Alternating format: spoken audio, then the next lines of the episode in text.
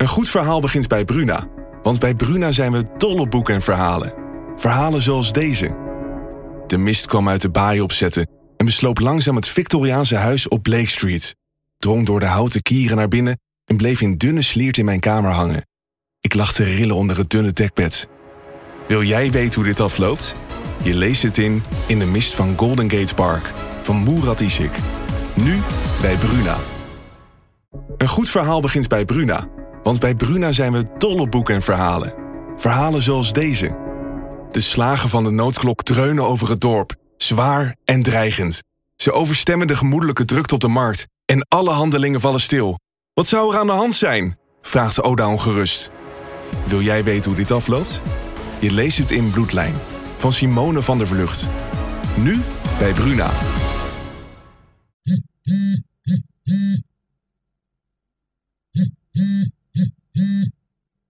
Wat ben je mooi.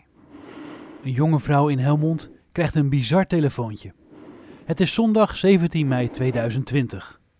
Een voor haar onbekende man vertelt dat hij haar leuk en mooi vindt. Haar naam heeft hij verkeerd, maar de man weet allerlei details over haar. Zoals dat ze gescheiden is en een zoon heeft. Hij is een collega, zegt hij, maar de vrouw weet zeker dat dat niet zo is. Wat dit angstaanjagende gesprek met de dood van Els Sluring te maken heeft, blijkt ongeveer twee jaar later.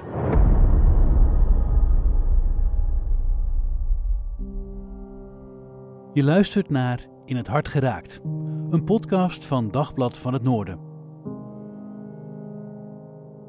Journalisten Marijke Brouwer en Willem Dekker gingen eind 2019 op zoek naar een moordenaar. Iemand die met één steek in het hart een einde maakte aan het leven van de jonge en ambitieuze psychologe Els Slurink. Op de leeftijd van 33 jaar wordt Els, vol levenslust en gedrevenheid, door geweld om het leven gebracht. In haar eigen woning. De zoektocht naar de dader levert een hoop mogelijke scenario's op, zoals je in de vorige afleveringen hebt kunnen horen. Eén daarvan bleek de juiste. Mijn naam is Jeroen Kelderman en in deze aflevering vertel ik aan de hand van de rechtszaak tegen de dader wat er met Els is gebeurd. Haar laatste momenten moeten vreselijk zijn geweest. De ernst hiervan spreekt voor zich.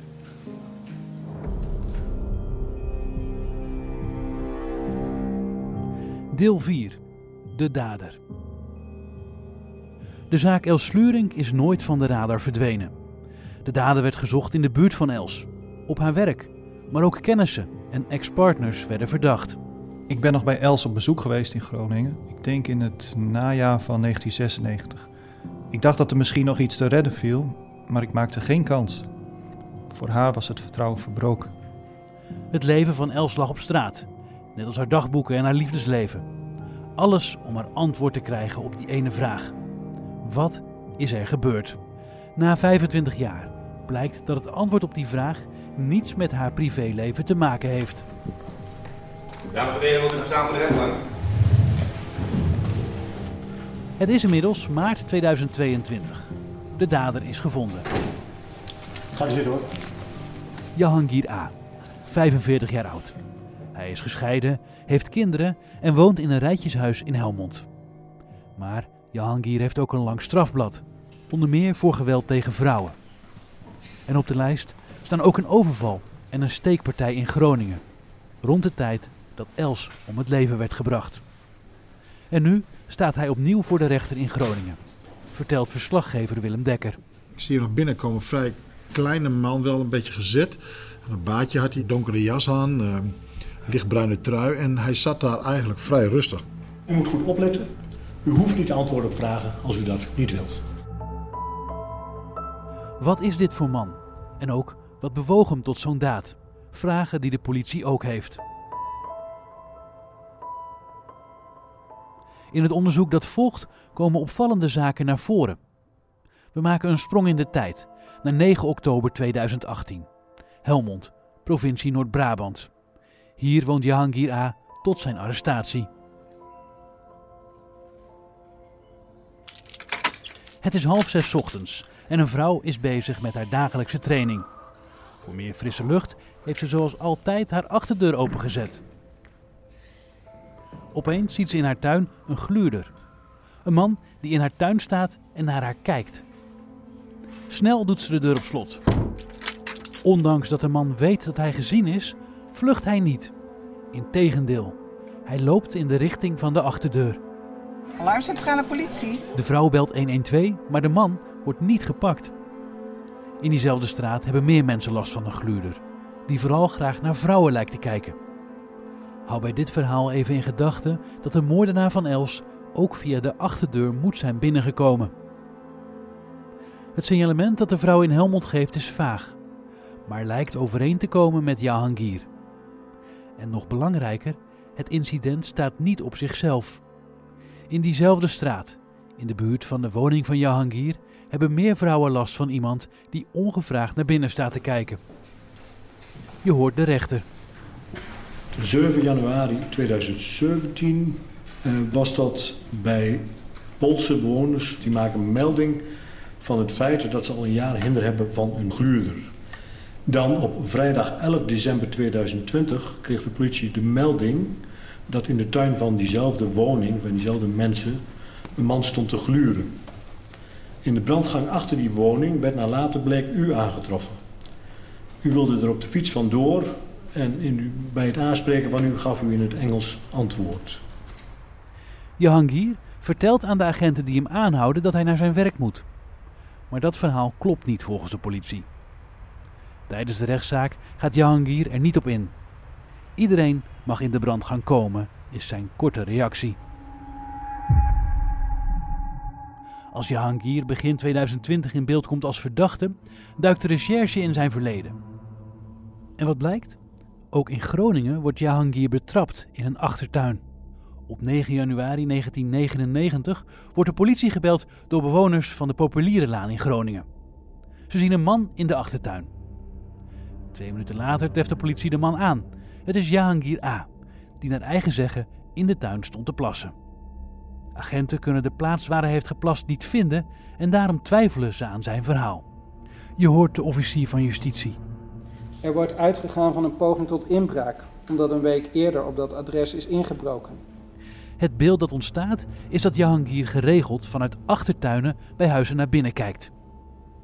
Is het niet om te zien of er wat te stelen valt, dan wel om vrouwen te begluren. Deed hij dit ook bij Els Slurink, een knappe jonge vrouw die op het punt stond om zich uit te kleden en naar bed te gaan.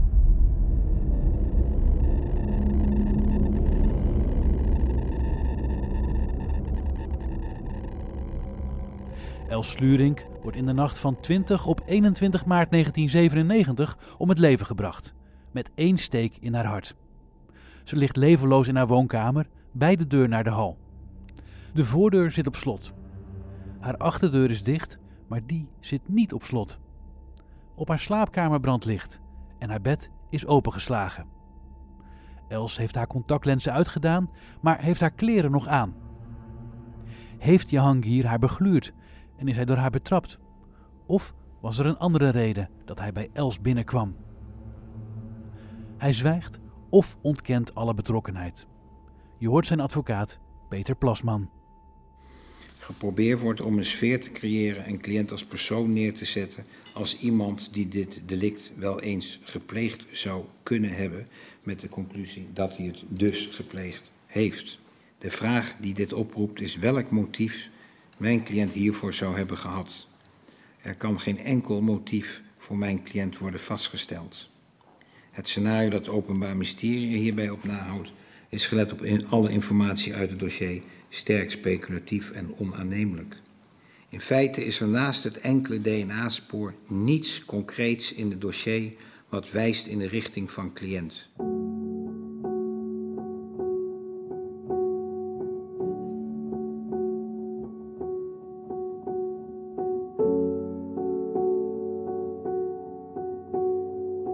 DNA-materiaal onder de nagels van Els is het enige spoor dat de politie nog houvast geeft. De kleding die Els droeg toen ze vermoord werd, een bruine trui en een bruine lange broek zijn kwijtgeraakt bij de politie. Een zoektocht langs verschillende politiebureaus leverde niets op. Een vingerafdruk die werd aangetroffen op een limonadeglas blijkt niet meer bruikbaar als bewijs. En aan een afdruk van een lege kistje in de achtertuin maat 44, kunnen geen conclusies worden verbonden. Lang ziet het er naar uit dat de zaak Slurink voor altijd onopgelost blijft. Vreselijk voor de familie. Je hoort een fragment uit de slachtofferverklaring, gelezen tijdens de rechtszaak door Koos Slurink, een van de broers van Els. Ons laatste concert was een uitvoering van de vier laatste lieder van Strauss in Vredenburg in Utrecht. De CD daarvan zit die 21 maart in haar CD-speler. Die muziek is dus vermoedelijk het laatste wat Els aan schoonheid in haar leven hoort. Ironisch genoeg gaan de vier laatste lieder, dat zijn gedichten op muziek, over een vredig sterven naar een voltooid leven. Het is een melodie van troost.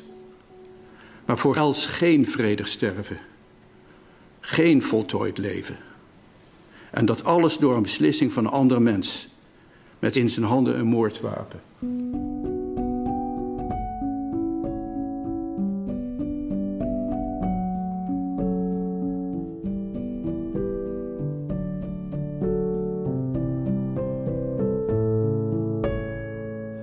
Nagels van Els, die na haar dood zijn afgeknipt, hebben bijna 25 jaar lang in een vriezer bij het Nederlands Forensisch Instituut gelegen. De hoeveelheid DNA-materiaal was jarenlang onvoldoende om een dader te kunnen aanwijzen. Begin 2020 doet het NFI opnieuw onderzoek met nieuwe technieken. Dit keer levert dat wel een bruikbaar DNA-profiel op. Het leidt naar een man die in 1997 in Groningen woonde. Nota bene bijna om de hoek bij Els aan de Jan Steenstraat. Jahangir A. Een man die volgens ex-partners bijzonder gewelddadig kan zijn, vertelt verslaggever Willem Dekker. Zijn relaties, daar had hij ook een soort haat-liefdeverhouding mee. Mensen waren, het was wel een jongen die, die gek was op vrouwen, zeg maar. En vrouwen ook op hem. Maar die relaties liepen heel vaak stuk. En waarbij ook, uh, ook vaak sprake was van bedreigingen en mishandelingen. Ja, want wat, wat, wat gebeurde er dan in die relaties als ze minder goed liepen? Nou ja, hij, uh, hij is onder meer, uh, heeft hij een keer met een mes, heeft hij, uh, heeft hij een, een vriendin, heeft hij in de, keukendas, in de keukenkast geramd. Gewoon mes uit de keuken aangepast en zo paps en zo in, de, in, in, in een stuk hout gedrukt. Hij was bazig, hij was jaloers. Het, bij zijn andere vriendin, ja, die heeft hij ook bedreigd in het bos. Hij zei, ik begraaf je. Hè, die, dat kwam naar voren. En uh, daarvan is hij wel vrijgesproken. Wel voor verkrachting, maar niet voor mishandeling. Daarvoor heeft hij zes, zes maanden gekregen. En hij had altijd een hamer of een mes bij zich, zei ze. Dus, en, en uit angst voor hem wilde ze helemaal niets meer met hem te maken hebben. Jahangir A. kan plotseling erg boos worden. Dreigde met messen en begluurde dus vrouwen. In Groningen hield hij zich ook bezig met diefstallen. En een van die diefstallen is bijzonder opmerkelijk, in meerdere opzichten. Het zou een motief kunnen zijn om bij het huis van Els naar binnen te gaan. In de zomer van 1997, een paar maanden na de dood van Els, wordt aan het Van Brakelplein 36 een naaimachine gestolen. Els woonde op nummer 40, dat is twee huizen verderop. Het apparaat is bedoeld als cadeau voor de moeder van Jahangir en wordt door de politie gevonden in zijn ouderlijk huis op de slaapkamer van zijn broer. De naaimachine zou gekocht zijn van een junk, maar de politie twijfelt daaraan.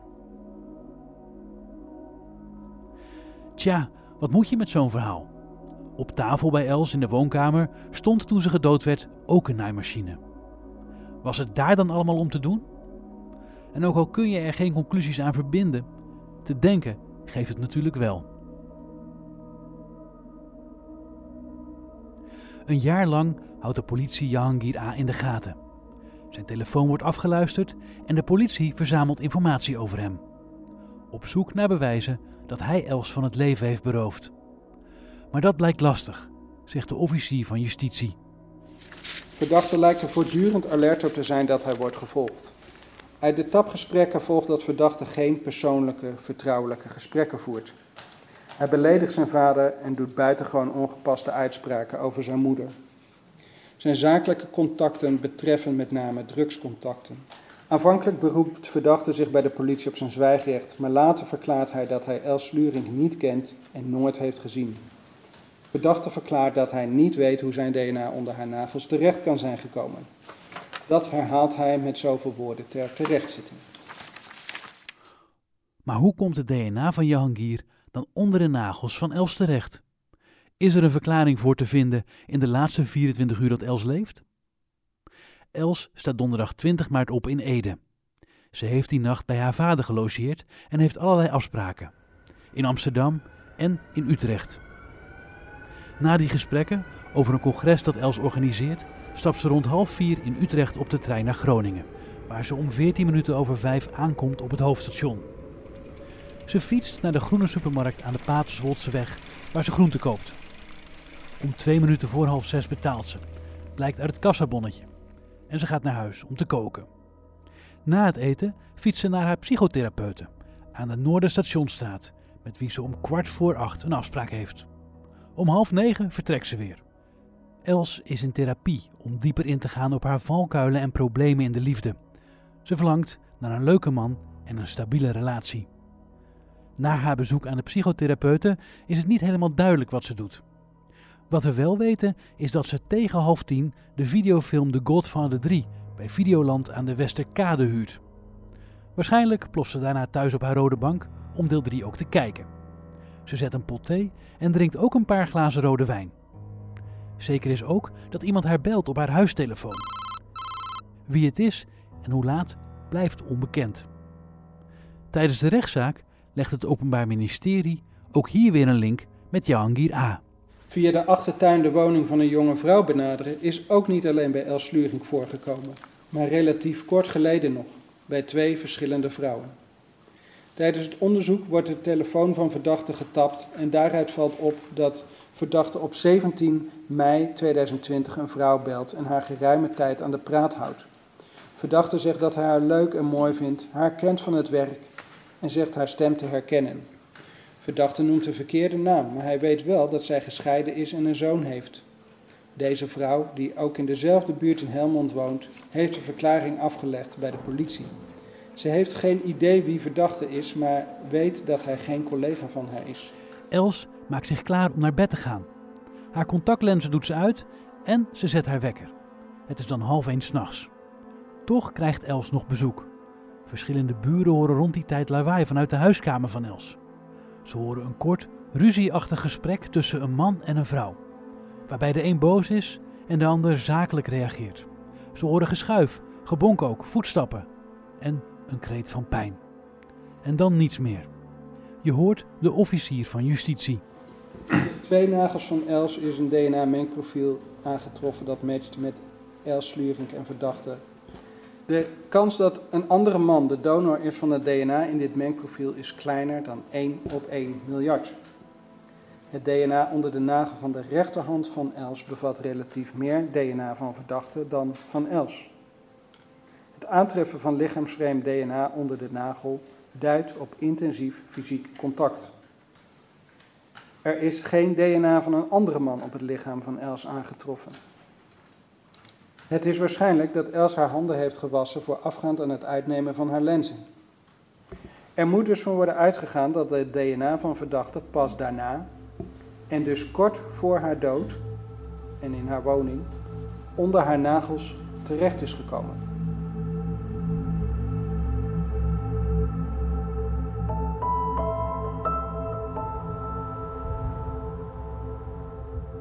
Volgens het Openbaar Ministerie en deskundigen van het NFI is het zeer waarschijnlijk dat het DNA van Jahangir A. onder de nagels van Els terechtgekomen is doordat ze zich heeft afgeweerd voor ze werd doodgestoken.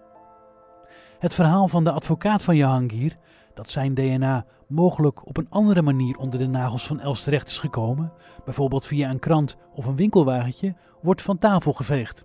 In dat geval zou volgens deskundigen van meer mensen DNA onder de nagels van Els moeten zitten. En dat is niet het geval. Je hoort de rechter. Verdachte heeft zich schuldig gemaakt aan doodslag. Hij heeft in de nacht van 20 op 21 maart 1997 psychologe Els Sluring van het leven beroofd door haar in haar borst te steken met een scherp voorwerp. Verdachte is midden in de nacht haar woning in Groningen binnengedrongen en heeft haar het kostbaarste bezit, haar leven ontnomen. Jarenlang is onduidelijk gebleven wie het slachtoffer had gedood en met welk motief. Dat heeft een enorme impact gehad op de nabestaanden van het slachtoffer.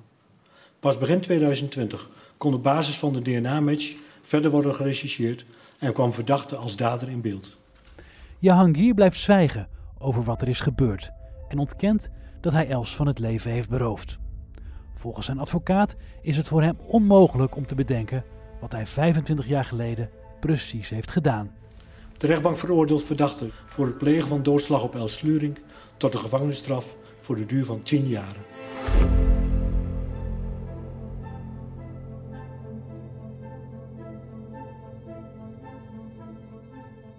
Het zal natuurlijk altijd een, uh, in ons leven een rol spelen. Maar na een kwart eeuw, dat heeft toch wel heel lang geduurd. Hè? Maar we kunnen het nu zeg maar min of meer loslaten. In zekere zin kunnen we er nu een beetje vanaf een afstand naar kijken. Niet alle vragen zullen beantwoord worden, zal altijd. Maar we kunnen hier heel goed mee leven met, dit, met, deze, met deze uitspraak. Zegt broer Koos Slurink na de uitspraak. Ook broer Paul hoopt dat hij de dood van zijn zus nu een plaats kan geven. Al had hij gehoopt op meer antwoorden van de dader. We mogen hopen dat, dat dat een rol speelt in de hoogte van zijn straf. Want het feit natuurlijk dat die uh, verdachte uh, zich niet uit uh, heeft gesproken, dat hij geen toelichting geeft, dat laat wel een beetje zien van hoe die erin staat. En dat hij eigenlijk heel weinig verantwoordelijkheidsbesef heeft. Ja.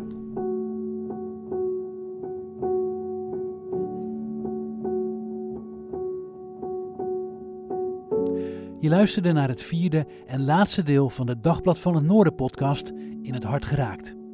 Mijn naam is Jeroen Kelderman en ik bedank je voor het luisteren. Vind je deze podcast leuk en wil je je waardering laten blijken? Neem dan een digitaal abonnement op Dagblad van het Noorden, zodat ik en mijn collega's podcasts kunnen blijven maken. Meer informatie daarover vind je in de beschrijving bij deze podcast. Dankjewel.